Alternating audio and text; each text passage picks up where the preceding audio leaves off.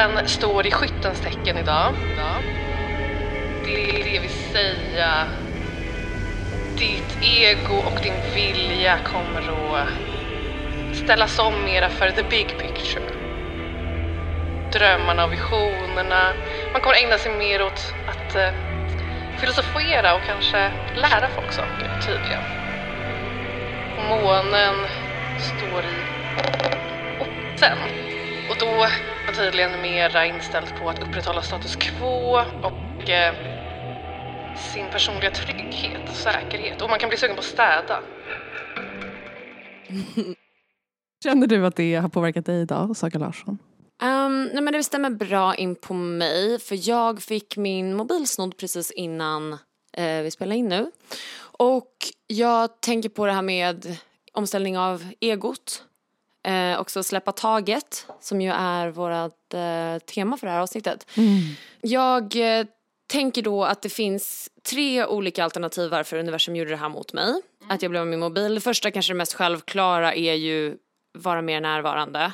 Just det. Eh, sluta stirra på min mobil så mycket. Det känns också som det tråkigaste alternativet. Visst, när jag åkte tunnelbanan hit, tittade ut så spände liksom det orangea ljuset sig som en bård kring Stockholms kyrktorn och det var väl fint men jag hade väl hellre spelat Best Fiends. Ehm, det andra jag tänker är att släppa taget om eh, materiella ting som gör en egokonstruktion i förlängningen. Att vi identifierar oss med de sakerna vi har. Eh, skulle kunna vara det. Det jag kanske mest tror på, precis innan min mobil blev snodd så hade jag varit och lagt en voiceover för en BMW-reklam. Så jag tror att universum bara försöker säga till mig att sluta vara en kapitalistfitta.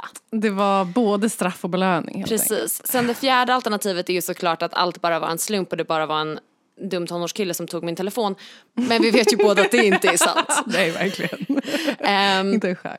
inte en chans. Eh, egentligen, det, det, det är liksom en liten tom känsla i magen av att ha fått, fått något snott. Men den värsta saken är att, alltså igår kväll så hade jag liksom ett eh, Ja, men en, en session med personen jag dejtar eh, som jobbade sent och jag tänkte vad är bättre att muntra upp med än en jävla massa nudes. Så min mobil är ju fylld till bredden med nudes. Perfekt att en tonårskille stal den. Ja, Vad så skönt då. varsågod faktiskt. Ja. Mm. Men så, så är det med eh, mig. Hur stämmer det här eh, in med din dag, Fredrika Tidemark? Ja men ganska bra. Jag har städat lite faktiskt. Mest för att du skulle komma hit. Jag tror jag hade gjort det ändå. Men... Eh, Tack Så, för övrigt. varsågod. Superfint. det har kommit till min kännedom från både min mor och min svärmor att jag inte kan städa. Vad betyder att inte kunna städa? Ja, det undrar jag också. För att jag går ju på eh, Dr. Agnes Wold principen som är att damm inte är farligt, det är bara mögel som är farligt. Just det. Och det tycker jag funkar, men eh, den här skinande rent eh, normen. Mm. Jag, förstår jag- Inte, jag förstår inte ens hur man uppnår det för varje gång man torkar av någonting så blir det ju damm kvar. Alltså jag vet inte, min mamma kan göra saker skinande rent men jag har liksom inte den, är det den generationen kvinnor, är den sista som vet hur skinande rent funkar och sen har det dött med oss. Alltså jag tror kanske det. Jag har några vänner som så här moppar varje dag, men det tycker jag är eh, patologiskt vansinne.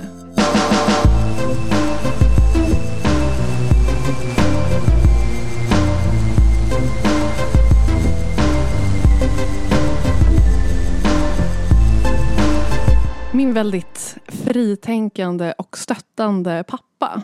Han brukar säga att jag lever mitt liv med nio tår av tio utanför samhället.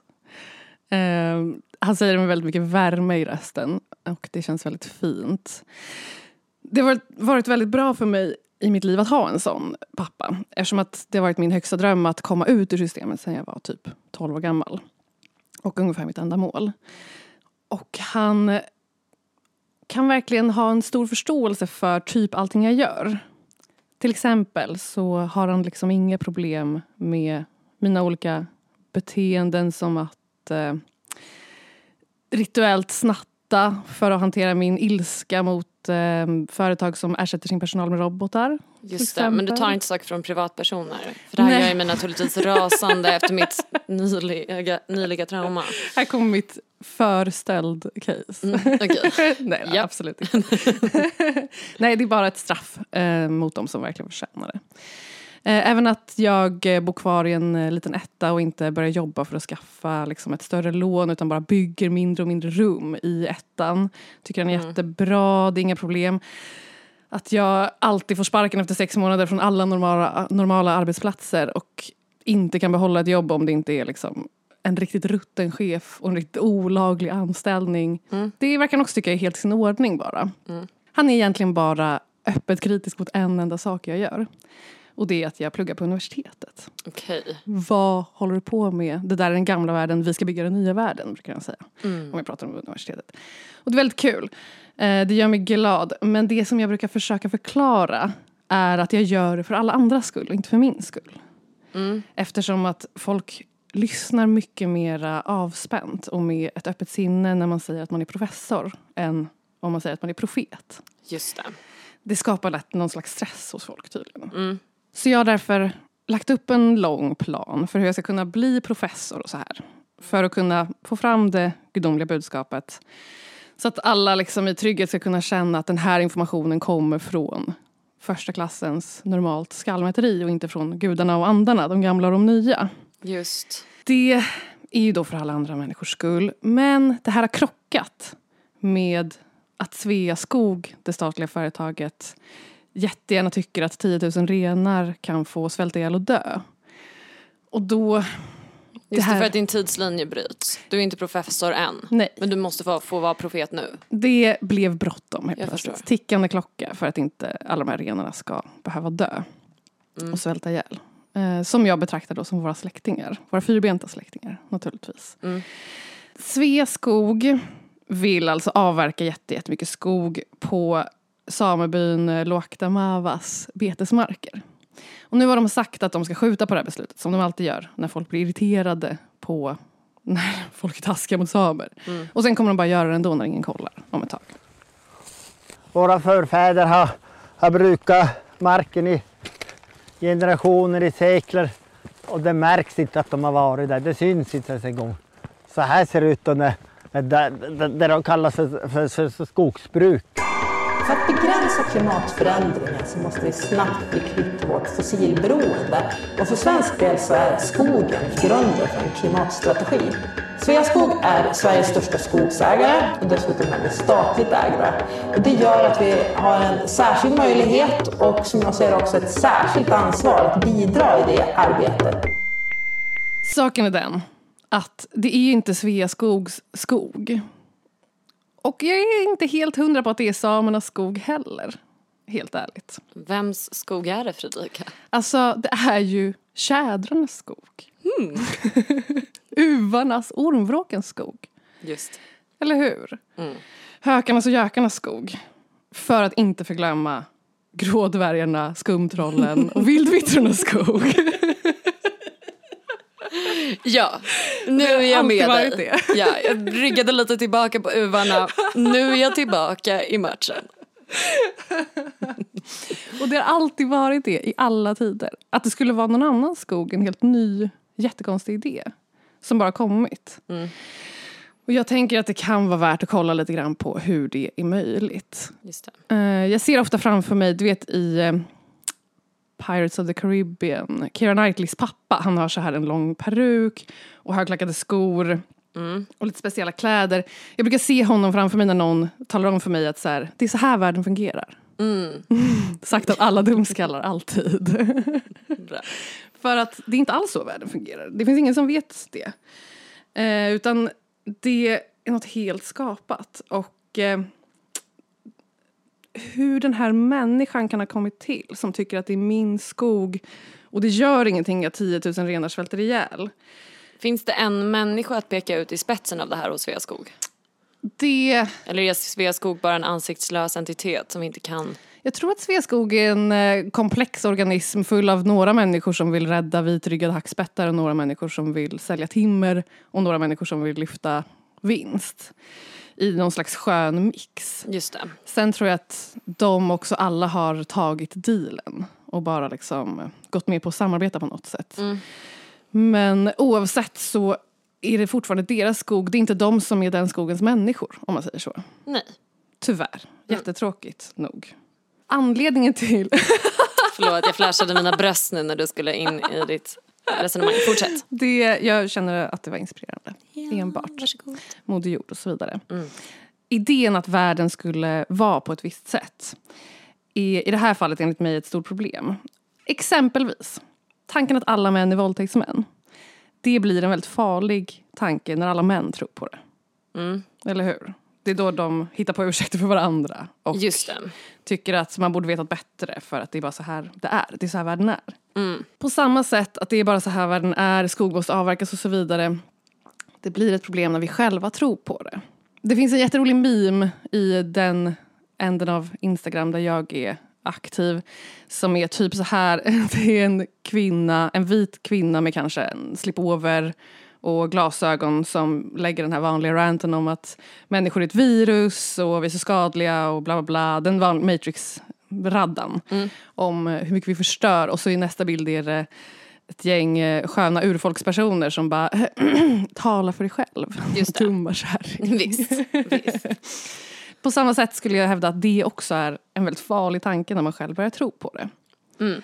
Det är då människor som Sveaskog kan komma undan med att 10 000 renar måste dö. För att så är vi ju, vi människor. Ja. Det är bara det att, är vi verkligen det? Det finns en fantastisk forskare som heter Christopher Ryan som har lagt ner otroligt mycket tid på att forska om jägare och samlare bland annat. Mm. Just för att liksom bevisa att vi människor inte är såna här psykopater, egentligen innerst inne.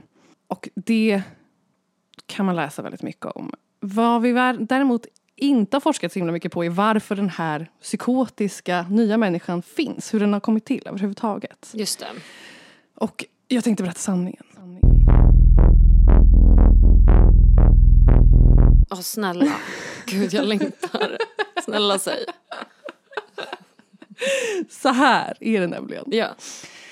Ungefär, vi kan säga 2500 till 3000 år sedan, cirka, så hittade man bland annat bland våra älskade, mest älskade gamla goda greker på fenomenet naturen. Mm. Ordet naturen finns inte i något ursprungsfolks språk eh, överhuvudtaget utan det finns liksom jorden typ eller universum typ men just naturen som eget fenomen existerar inte. Det är bara vi som har det. Just det. Konceptet utomhus. Exakt, konceptet utomhus. Ja. Ehm, han Harari som har skrivit Sk- Sapiens, han säger ju att det är inte vi som har domesticerat vetet, det är vetet som har domesticerat oss. För det är vi som bor i hus. Just. Det är en ganska kul eh, take på det, jag håller med. Men framförallt idén om naturen som separat från en själv. Den är för evigt förknippad med vår civilisations vagga. De här fina snälla grekerna som hittade på så kallad demokrati för ja, vissa då. Just det. Och skulle du tillskriva startskottet då till att ordet naturen Mm. uppfanns? Jag skulle säga att det är det största och mest förrädiska tankefelet vi någonsin har gjort. Mm. Därför att när man då ska ägna sig åt så kallad naturfilosofi och börja väga och mäta och räkna på hur den här naturen fungerar så är det ju alltså att titta på Moder Jord som om man var en alien. Mm. En väldigt autistisk alien. Just det, det har historiskt gått sådär med just mätandet Eller och vägandet. Det brukar mest bli att man plockar isär någonting tills det inte funkar längre. Ja. ungefär. Mm. Sen har den här mentaliteten bara fortsatt sprida sig. Romarriket bland annat som byggde en massa fantastiska härliga akvedukter. Och också Fint jättefint. Mm. Och jättebra om man nu vill bo inomhus i en stad och importera allt sitt vete från Egypten och ha typ en överklass. Och Mm. ha någon slags sån tillväxt som går ut på att man hela tiden måste skaffa mer land och då blir man ofta väldigt bra på att slå ihjäl barbarer. Eftersom att man behöver mera land. Då är det tur att de som bor på det andra landet bara är barbarer. Mm. Som lever i naturen, som man själv ju inte gör. Eftersom man själv bygger något nytt och bättre och renare och separat från naturen. Mm. Så då kan man ägna sig åt det i några hundra år tills imp- imperiet oundvikligen kollapsar. Men då kom ju till exempel katolska kyrkan och bara tog Dum, vid. dum, dum, dum. Fina, kära katolska kyrkan. Och fortsatte processen av att slå ihjäl barbarer bäst de kunde i ungefär hela Europa. Och det... Och barbarer, bara, eh, kan du definiera barbarer för mig? Ja, jag tänker mig, jag ser framför mig en sån här ganska lerig, ganska hårig, dubbelflätad obelix i liksom vikingahjälm och som bor i en liten sån skön gallisk by Just det. och driver med romerska legionärer, typ. Det tänker jag är den första barbaren som vi har definierat. Det som är så fascinerande med det här är ju att romarna slash katolikerna slash de första skallmätarna i och med sin egen domesticering, att man bor i hus, att man separerar sig från naturen, så har det skett någon form av klyvning i medvetandet. Där det finns en skillnad på oss och dem. Som när Och man oss bara... och naturen. Exakt, oss och naturen. Och den här klyvningen är väldigt lätt att se i tankehistoriken som fortsätter. Vi känner alla till den kristna idén om synd och dygd. Ja. Ja, en slags väldigt intressant klyvning där vissa saker är rena och goda och andra är rent av djävulska och onda. Trots att allt det här bara var en slags allmän helhet en gång så är det nu delat i två. Och den här klyvningen finns såklart både på insidan inuti människan där man får ett undermedvetet som man liksom förvisar alla tabutankar till så att de kan komma tillbaka och spöka för egot istället för att man har en dialog. Mm, så du tror att den här klyvningen också skapade klyvningen mellan medvetet och undermedvetet? Jag tror att den jag tror att det var två skilda entiteter innan men att de hade en dialog istället för att förneka varandra på något sätt. Just det. Det är min allmänna läsning av det. Pre-skam. Pre-scam, exakt. Pre-domestication, innan man behövde ta bort allt damm där man bor. Just det. Den här klyvningen i sin tur återspeglas förstås i den yttre världen. Det uppstår även en klyvning i nationen, människornas nation. Mellan då skallmätare, fascister, katolska kyrkan, romarriket och så vidare på ena sidan. Och å andra sidan barbarer, sedermera skulle jag hävda kriminella, pirater och terrorister. Du får en kluven nation på grund av den inre klyvningen.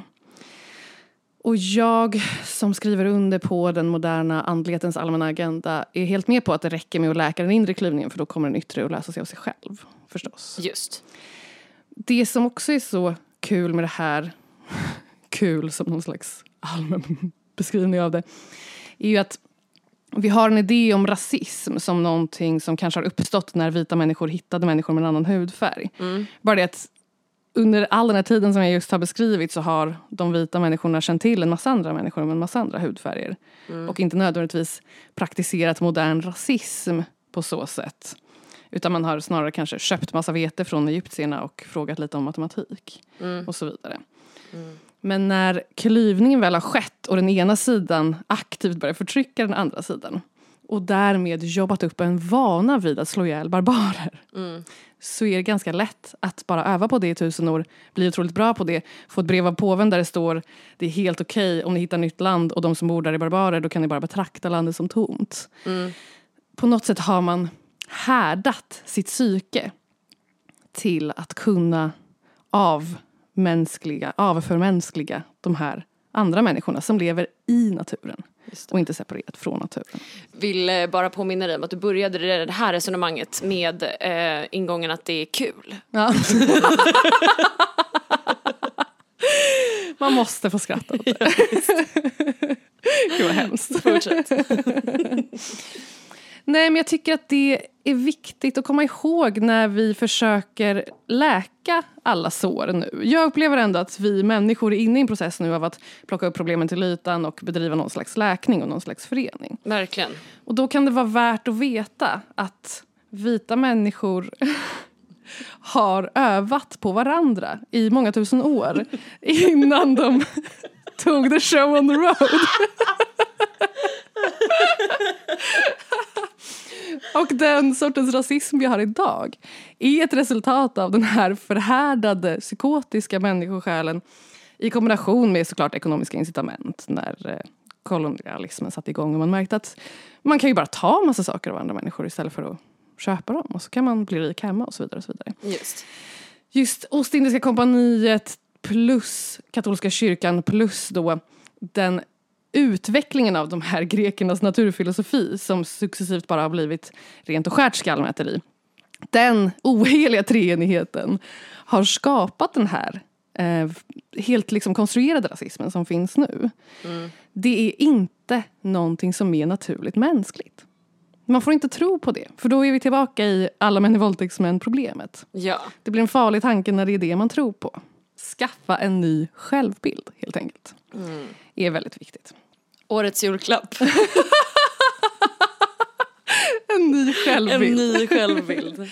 Ett tips för det här kan vara att eh, föreställa sig sina förfäder inte som grekiska filosofer eller Marie Antoinette i så här korsetter och högklackade skor. Utan försöka föreställa sig de här väldigt leriga, håriga barbarerna som förlorade. För att det finns också en fördel med att identifiera sig med historiens förlorare. Ja. Och inte bara historiens vinnare. Det blir hela tiden det här märkliga problemet av att man både Alltså om man ska prata om white guilt till exempel. Så har man både krönt sig själv till historiens vinnare och beter sig som husalfen Dobby på något sätt. ja, det farligaste som finns är väl människor som inte känner sig som förlorare. Jag tror det. Jag tror verkligen det. Därför att vi alla förlorar jättemycket på den här klyvningen i nationen och i själen. Ja. Och vi alla behöver jobba på att läka den. Istället för att prata om vad det är för fel på oss som gör att vi naturligt är så här.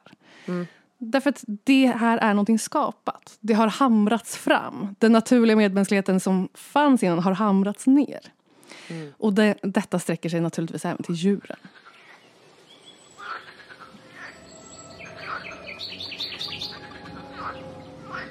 En av många saker som jag då studerar på vårt kära skallmätarinstitutionsuniversitet är eh, hundens evolution, genetik och beteende. Det gör jag för att jag är intresserad av domesticering.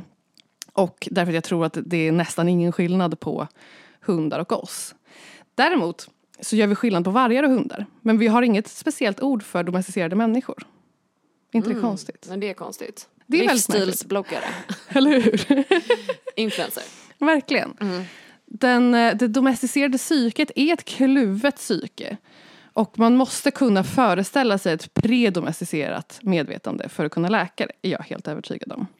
Just det. Så hur mycket i så fall har vi att lära oss av hundar? Alltså då vi bara får se den domesticerade versionen. Så otroligt mycket. Okej. Mitt favoritexempel, det mesta i undervisningen på universitetet skulle jag säga är skäligen värdelöst för att det bara fokuserar på form och inte på innehåll. Men man snubblar över små guldklimpar ibland. Till exempel, så i flera upprepade studier som har gjorts där man jämför hundar och vargar så har man kollat på aggression och aggressivitet. Och sett att i nästan alla sociala interaktioner mellan vargar där man kan välja konflikt och välja strid så väljer vargarna att avstå för att det inte är värt det. Hundar däremot väljer att unna sig ett gott slagsmål. Varje gång. Nästan alltid. Ja. Och det är lite oklart varför de gör det. Men den gängse teorin är att vargarna vet att det räcker med liksom ett oskönt bett mot mitt ben och sen kommer jag ha så mycket problem för liksom många veckor framöver och kanske inte kunna jaga. Det är ett intressant konsekvenstänk det- som man inte tror att djur har men som de då kanske eventuellt faktiskt har. Ja, är det för att våra hundar är så medvetna om att vi kommer göra allt för att laga dem? Jag tror det. Och det tror även skallmätarna på den här just punkten. Okej. Väldigt intressant. Utöver det är också kul att eh, hannarna inom hundnationen är lite bättre på att ge sig när de märker att det inte går bra. Medan tikarna bara slåss tills de dör. Ändå härligt. Verkligen. Total galenskap. Släppa verkligheten fullständigt. Och bara slåss tills man dör. Ett sånt skäl till varför jag inte tänker på dig som en kille med ögonskugga. Jag tänker att du också är uppkopplad till det, den galenskapen. Jag slåss tills jag dör. Mm. Mm. Jag har eh, verkligen blivit besviken på mig själv de gånger som jag hamnat i handgemäng eller slaggis som jag gillar att kalla slagsmål. Ehm, jag, eh, men jag har väldigt mycket liksom big dick energy när jag går in i det. Och sen så bara lägger jag mig platt. Så jag är tyvärr en hanhund. Alltså, Är det sant? Ja, lite. Fast det kan också ha haft att göra med att jag varit bara så vansinnigt full varje gång det hänt. Så man bara orkar Nej, inte. mitt, i, mitt i ett slag så bara orkar jag inte mer. Jag, bara, jag ger upp. Också på ett sätt en tjej. B- på att börja inte orka avsluta. Ja, verkligen. Verkligen. Ja, jo. På min senaste föreläsning i hundens genetik, evolution och beteende så ställdes frågan kan hundar tänka? kul. Och kan hundar känna? Har de känslor? Och jag kan... det är så, så fantastiskt. Så mysigt med skallmätare. Det- Jag vet, de är otroliga. Ja, de är otroliga. Och deras sätt att ta reda på det här är också så kul. För det är mycket så här, hur ofta viftar hunden på svansen till vänster och hur ofta viftar hunden på svansen till höger? Eh, när börjar den lukta med höger näsborre och när börjar den lukta med vänster näsborre? Och hur korrelerar de här till de olika hjärnhalvorna? Bla, bla, bla. Så här går de tillväga, här, som en autistisk alien, för att förstå. Eh, och under hela föreläsningen kunde jag bara tänka på min äkta make och hur han är med våran hund. Alltså, han behöver inte stå och räkna svansvift till höger och vänster. Han bara vet. Hans success rate på att veta vad hon ska göra är hundraprocentig. Medan om han skulle stå som en autistisk alien och räkna svansvift skulle den ju inte vara det. Nej. Hans sätt att aktivt vara naturen tillsammans med henne jämfört med att betrakta naturen är mycket, mycket mer effektiv. Och stämmer alltid överens mycket bättre. Just det. Det här är värt att filosofera lite över och hålla i sitt hjärta.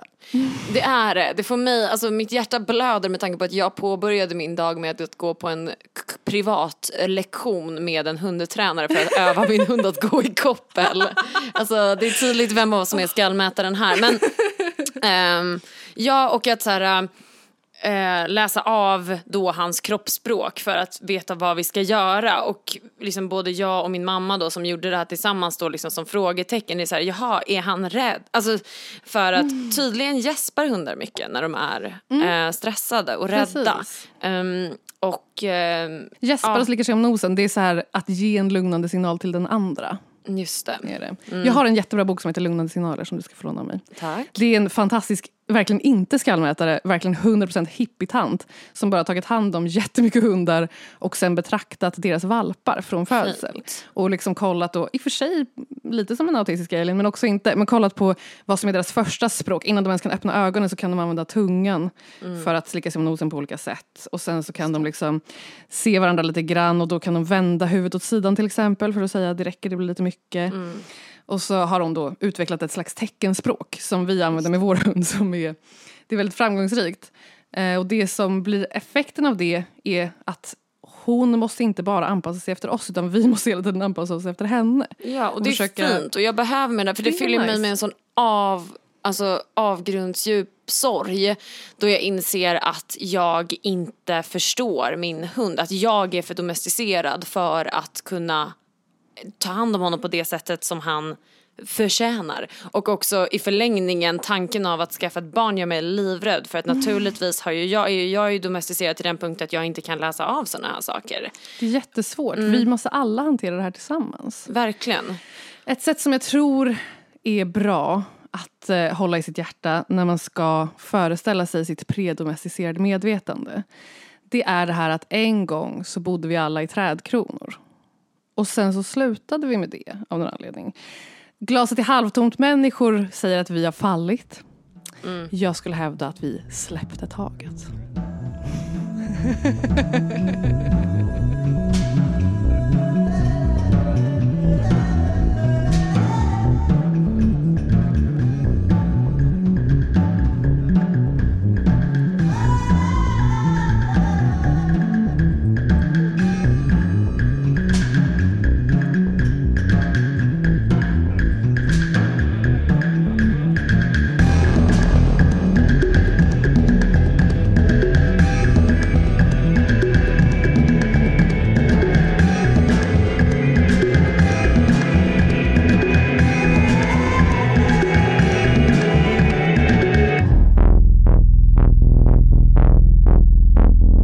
Då ska vi prata lite mer om att släppa taget. Som ju är vårt eh, tema för den här veckan.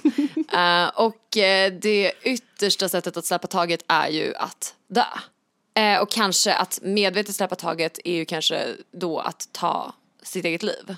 Både och. Det kan ju vara det. Det är ju mer aktivt Ja, än inaktivt. visst. Men det är ju verkligen en form av att släppa taget. Men det jag tror är att släppa taget är någonting vi gör i livet, alltså i vårt liv. Men att Eckart Tolle, som ju är våran daddy. Han, eh, men han sa att så här, han påpekade den separationen som finns inbyggd i meningen jag vill ta mitt liv. Separationen mellan jag och mitt liv finns ju där i den meningen att jag är en person som vill ta mitt liv. Mitt liv blir då en egen entitet. Och att när man tittar på det så så är ju mitt liv inte jag. Exakt. Men den devisen handlar vi ju inte alls kring ifrån när vi pratar om självmord. Buddha sa att fingret som pekar på månen är inte månen. Och att säga att man vill dö är inte samma sak som att dö. Det kan bli det, men det är inte det. Men det blir kanske det i ännu större utsträckning för att vi behandlar det som det.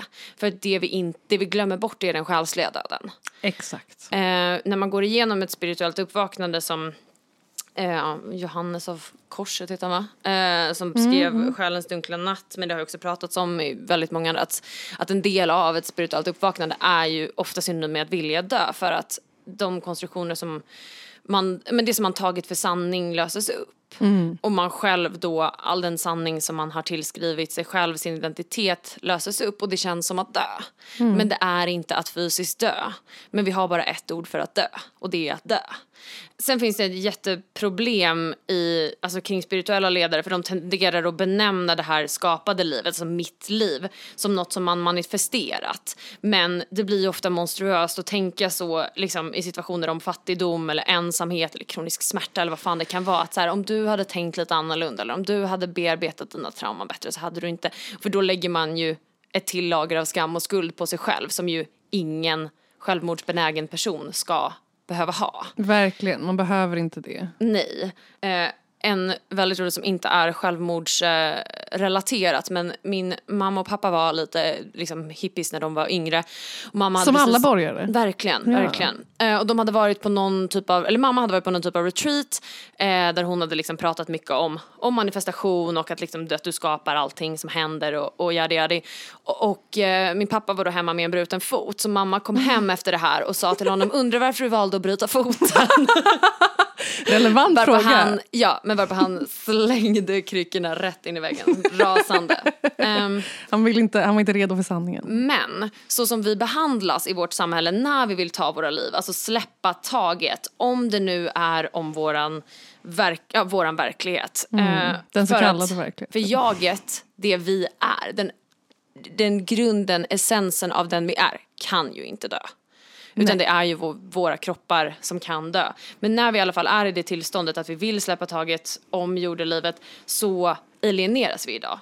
Och det är som att det vore helt galet att vilja dö. Också vill, i den tiden vi lever i så är det ju ett friskhetstecken att ibland vilja dö. Verkligen, och eh, eventuellt till och med solidariskt ansvarstagande. Eh, lämlar löser sina problem på vissa sätt. Alltså, Tar de livet av sig? ja, lämmeltågen. Ja, när de blir för många. Det är helt sjukt hur de vet det här.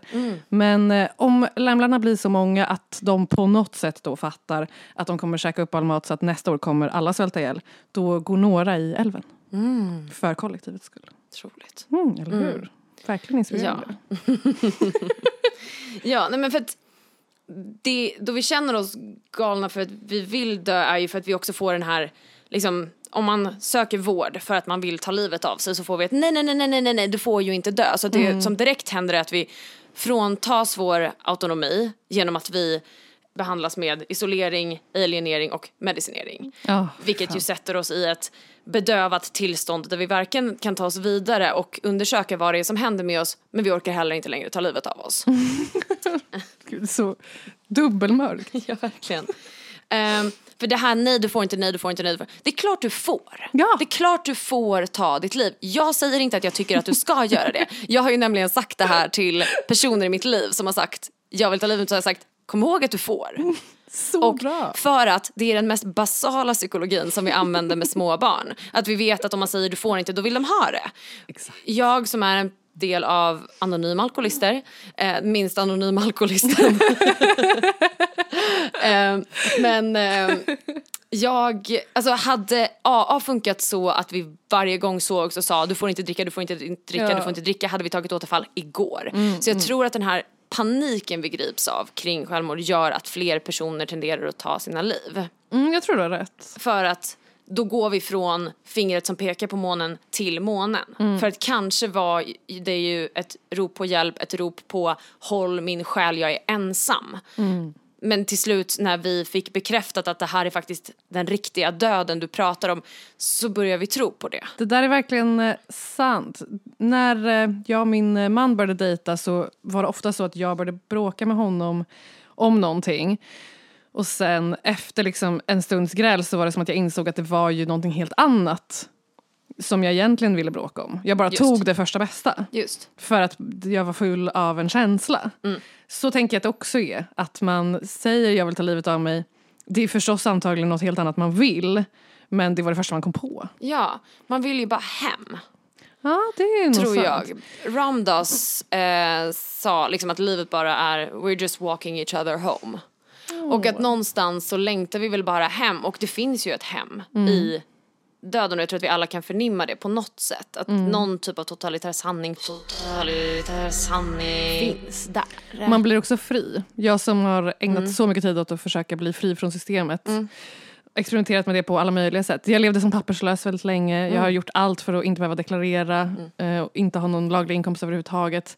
Att vilja bort är ju väldigt rimligt när här är att vara född i fångenskap. Visst, men att vi heller inte får någon hjälp i att gå ner i lagren av vad det egentligen vi begär när vi säger att vi vill dö. För att någonstans, till exempel, jag tänker ofta på folk som verkligen vill bli kända. Det de egentligen vill är ju bara att deras mamma ska älska dem. Ja. ja men och jag menar, väldigt ofta är ju våra viljor ett symptom. Och naturligtvis tror jag att vilja dö är ett symptom på en bristfällighet. Men att hitta den bristfälligheten är någonting vi inte får någon hjälp med och vi medicineras till den milda grad att vi inte ens kan gräva i det själva också för att alla runt omkring oss grips av fullkomlig panik. Eh, det finns inget hjälp, ingen hjälp att gräva.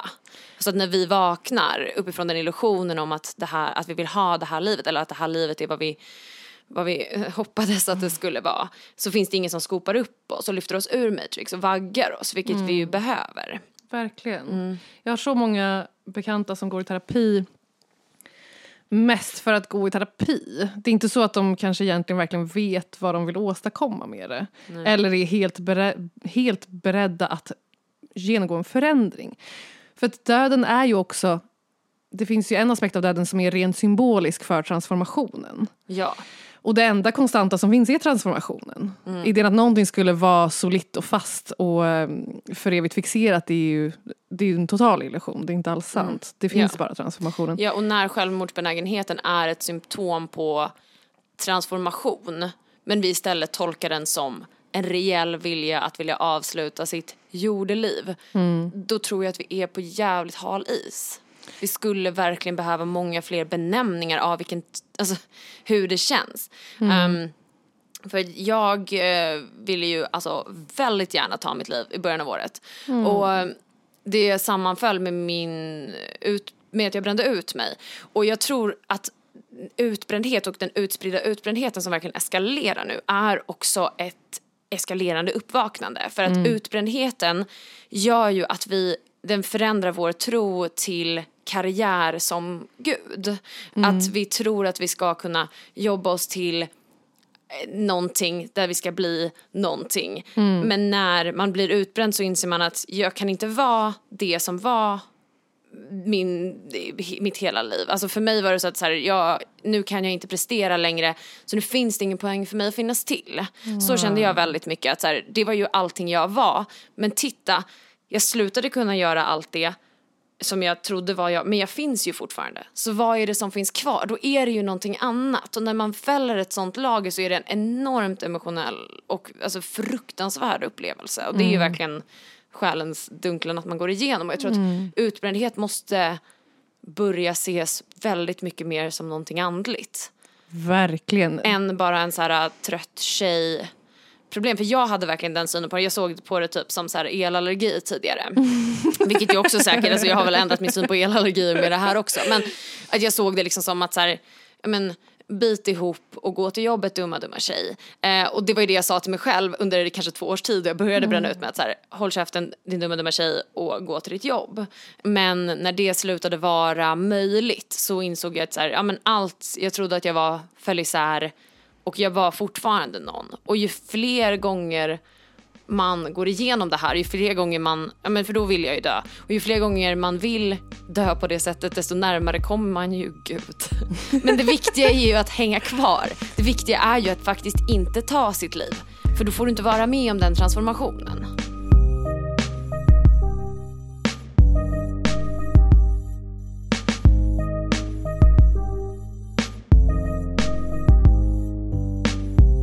Exakt. Och- Samtidigt så, så förstår jag att det här inte är applicerbart när man vill ta livet av sig på grund av sig fattigdom. Säg ja, men kronisk smärta tänker jag till exempel. Eller att vara i en position, säg som att självmordsstatistiken är så hög bland transpersoner.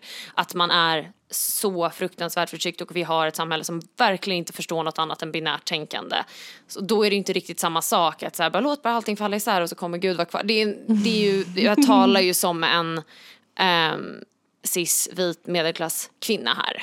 Liksom. Men med det sagt så tycker jag att alla dessa utbrända kvinnor som ligger hemma ensamma på sina soffor, det gör mig så ont. Jag såg en dokumentär precis på SVT som eh, Fanna Andao Norrby gjorde om, eh, den heter We Can't Do It.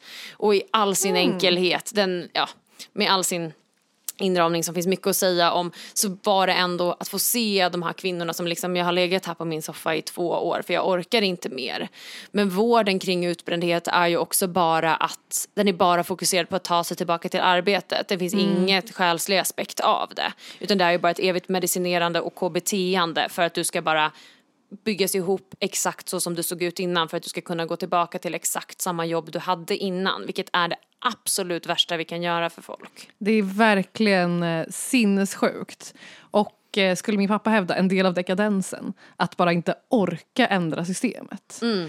Att bara inte palla se på att det kanske, problemet kanske ligger någon annanstans. Ja. Nästan all terapi är ju verkligen gjord för att man ska passa in i en rådande norm och mall. Ja. Så och många- den du var innan. Du ska alltid innan. lappas ihop så som du var innan. Som Ja. att falla isär inte har något värde för att du då kan bygga upp någonting nytt. Exakt, det är totalt vansinnigt. Så ofta har jag fått rådet att jag behöver få bättre rutiner. Nej, men. Vilket är så här... Det var det första jag kom, när jag kom helt, helt trasig av utbrändhet. Alltså jag hade liksom dagar innan bara så här, nu tar jag mitt lilla, lilla liv. Mm. Då kom jag till eh, vårdcentralen varpå hon sa, jag tror att det viktigaste är att du går en promenad varje dag och går upp samma tid. Bara, är det verkligen det viktigaste Ann-Kristin? Det kan inte vara det viktigaste. Det viktigaste Det är är, så väl... vansinnigt. Alltså, det finns ingen logik som backar upp det överhuvudtaget. Vårt samhälle är byggt kring rutiner för att vi ska kunna vara produktiva liksom, consumer workers. Ja, och det är också en total ignorans av det som vi pratade om innan, det cykliska i våra liv. Att till exempel att en rutin gör ju att du måste prestera likadant varje dag. För det är ju en totalt i liksom, kapitalismens bästa intresse att vi ska fungera på exakt samma sätt varje dag som maskiner. Exakt. För att så fort vi accepterar att, jag menar för att way back in the day, men då de som har mens liksom drog sig tillbaka och man fick gå in i lite i det för det var en tid för introspektion, det var en tid att vara runt an, de andra som blöder. Alltså det var liksom en, en ritual i sig medan nu ska vi bara ta en Alvedon, eh, gå upp samma tid och så här, gå till gymmet för att träning hjälper mot mensvärk. Alltså, Det är också intressant hur stor tilltro man har till den egna uppfattningen av situationen. Alltså att man upplever att jag har de här, de här problemen och jag vill ta livet av mig. Att, att lita på sig själv i det är så jävla ologiskt också. ja, Det finns en eh, väldigt rolig eh, kvinna som håller på med psykologi och ockultism som heter Carolyn Elliot. Och som, jag tror att det är hon som har myntat begreppet having is evidence of wanting. Att det du har är det du vill ha. Det vill säga, ville du verkligen ta livet av dig hade du redan, hade du redan gjort det. Men den hela, det, det går ju i linje med, eh, var, jag undrar varför du valde att bryta foten. Eh, det går Ja. helt i linje med det. Och det är en problematisk tanke på jättemånga sätt. Min eh, arbetsgivare som är väldigt schizofren till exempel och har blivit väldigt hårt prövad i sitt liv, han brukar säga det att det är en lite provocerande tanke att allting är meningen och att man själv väljer. Just framförallt eftersom att han hela tiden har varit behandlad av ett system och verkligen då inte haft agens utan någon annan har fattat jätte, jättemycket beslut åt honom. Liksom. Ja, det vi totalt blundar inför då är ju vad traumarespons är och Mm. vad, ned, alltså vad, vad vi tryckt ner för saker som vi bara försöker skydda oss själva ifrån. För sånt kan vi Exakt. inte se själva. ehm, Och det är verkligen utan nyckeln. då behöver vi en shaman. Ja, verkligen.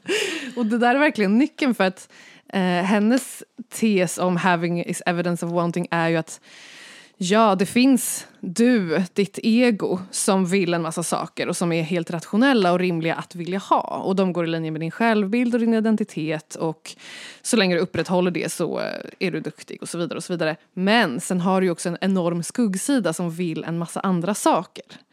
Och där, apropå klyvningen, eh, domesticeringens klyvande effekt på psyket.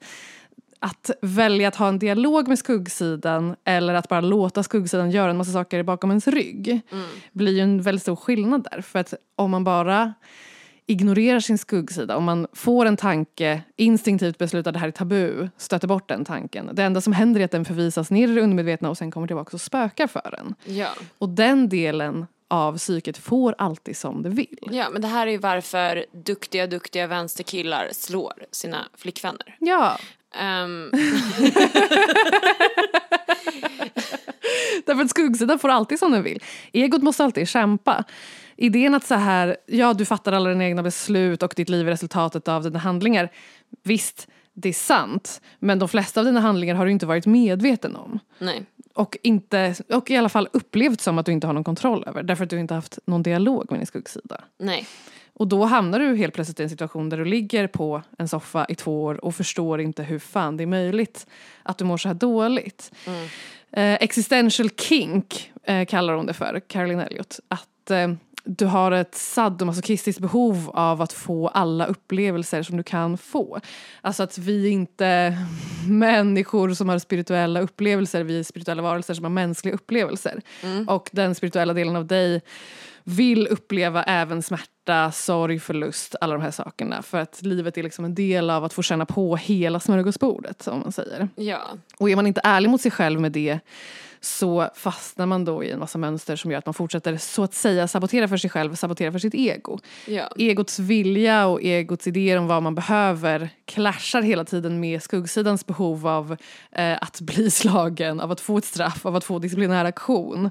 Om man inte kan liksom orka, för just det här med folk som går i terapi Och utan att... likadant dock å andra sidan att slå, Ja. att säga till, att sätta på Exakt. plats. De, ja. att få utlopp för sina liksom, sadistiska tendenser också. Att gå i terapi och inte vara benägen att se att jag kanske ville bli förtryckt. Eh, för att en del av mig ville det. För att ens självbild klarar liksom inte av den insikten. Det gör att man förnekar sig själv. Och det gör att man också är en skallmätare mot sin egen inre barbar. Just. Och den klyvningen måste läkas. Men att också titta på den längtan som kan till exempel finnas att bli, ja men säg förtryckt, skadad, slagen, vad vi nu kan prata om. Men att också inte titta på den som för jag tänker mig att så här, det skulle kunna gå att studsa på den, så här, men vadå säger du att det är kvinnors fel att de blir slagna? att, Ja. ja, Jag, håller, jag tycker att Jordaniens premiärminister gjorde rätt när han gick ut och sa alla kvinnor tänk på att vara lite snälla mot era män nu när de är hemma hela dagen. Ja.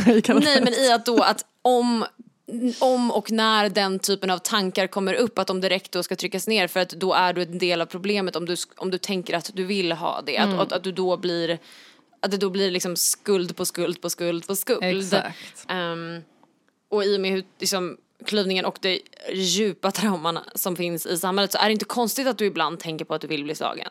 Eller hur? Nej. Och där tror jag att det är bättre att så att säga känna känslan gud vad gärna jag vill bli slagen till den punkt att man njuter av det mycket bättre än att säga nej det vill jag såklart inte, det är fel, det är dåligt och så vidare. Därför att igen då kommer det bara tillbaka och spöka för en, då kan man inte gå Precis. vidare. Att man skulle vilja bli slagen och så vidare, det är klart att man inte vill det alltid och hela tiden. Det är väl bara en, alltså Folk har så stor tilltro till sitt eget förnuft. Det är helt vansinnigt. Men Alla, alltså, Ja, ja. det finns ingen logik, det finns ingen sanning. We were